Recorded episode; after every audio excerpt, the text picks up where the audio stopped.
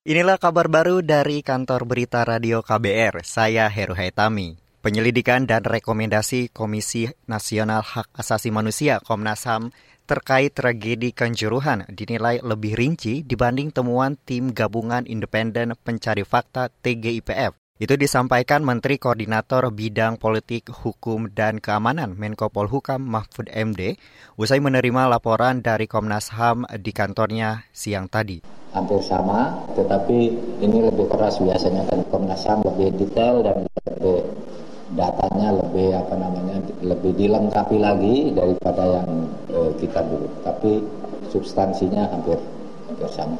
Menko Polhukam Mahfud MD mengatakan harus ada pihak yang bertanggung jawab secara berjenjang dalam tragedi ini.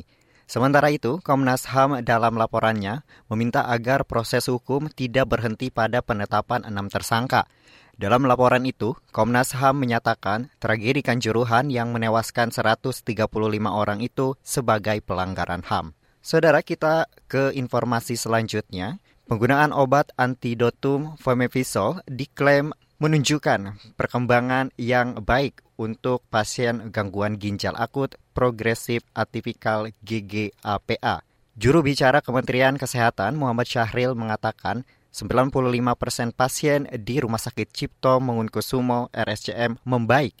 Kata dia, ini menunjukkan efikasi fomepizol sangat signifikan dalam memberikan kesembuhan untuk pasien ginjal akut. Syahri mengatakan fomepizol merupakan rekomendasi dari Organisasi Kesehatan Dunia WHO. Obat penawar itu direkomendasikan untuk pasien ginjal akut yang disebabkan kandungan etilen glikol dan dietilen glikol.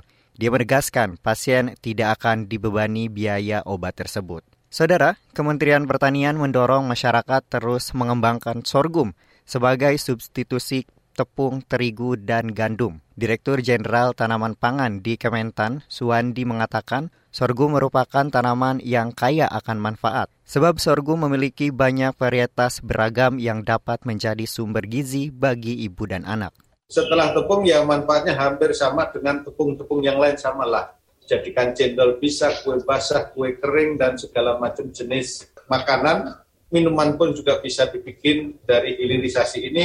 Manfaatnya ini kan sorghum itu zero gluten free. Bagus di judul sini untuk gizi buruk stunting, bagus juga bahkan untuk anak-anak autis itu, ibu-ibu hamil dan semuanya ini bagus untuk dikonsumsi pun kita. Dirjen Tanaman Pangan di Kementan Suwandi menambahkan, beberapa jenis batang dan daun sorghum dapat dimanfaatkan sebagai pakan ternak hingga produksi gula. Saat ini, kata dia, pengembangan sorghum terus dilakukan di Pulau Jawa, Nusa Tenggara, dan Sumatera. Sebelumnya, Presiden Joko Widodo meminta jajarannya untuk membuat peta jalan atau roadmap produksi dan hilirisasi sorghum hingga tahun 2024. Peta jalan dibuat untuk mengantisipasi krisis pangan yang menimpa dunia. Demikian kabar baru dari KBR, saya Heru Hitami, salam.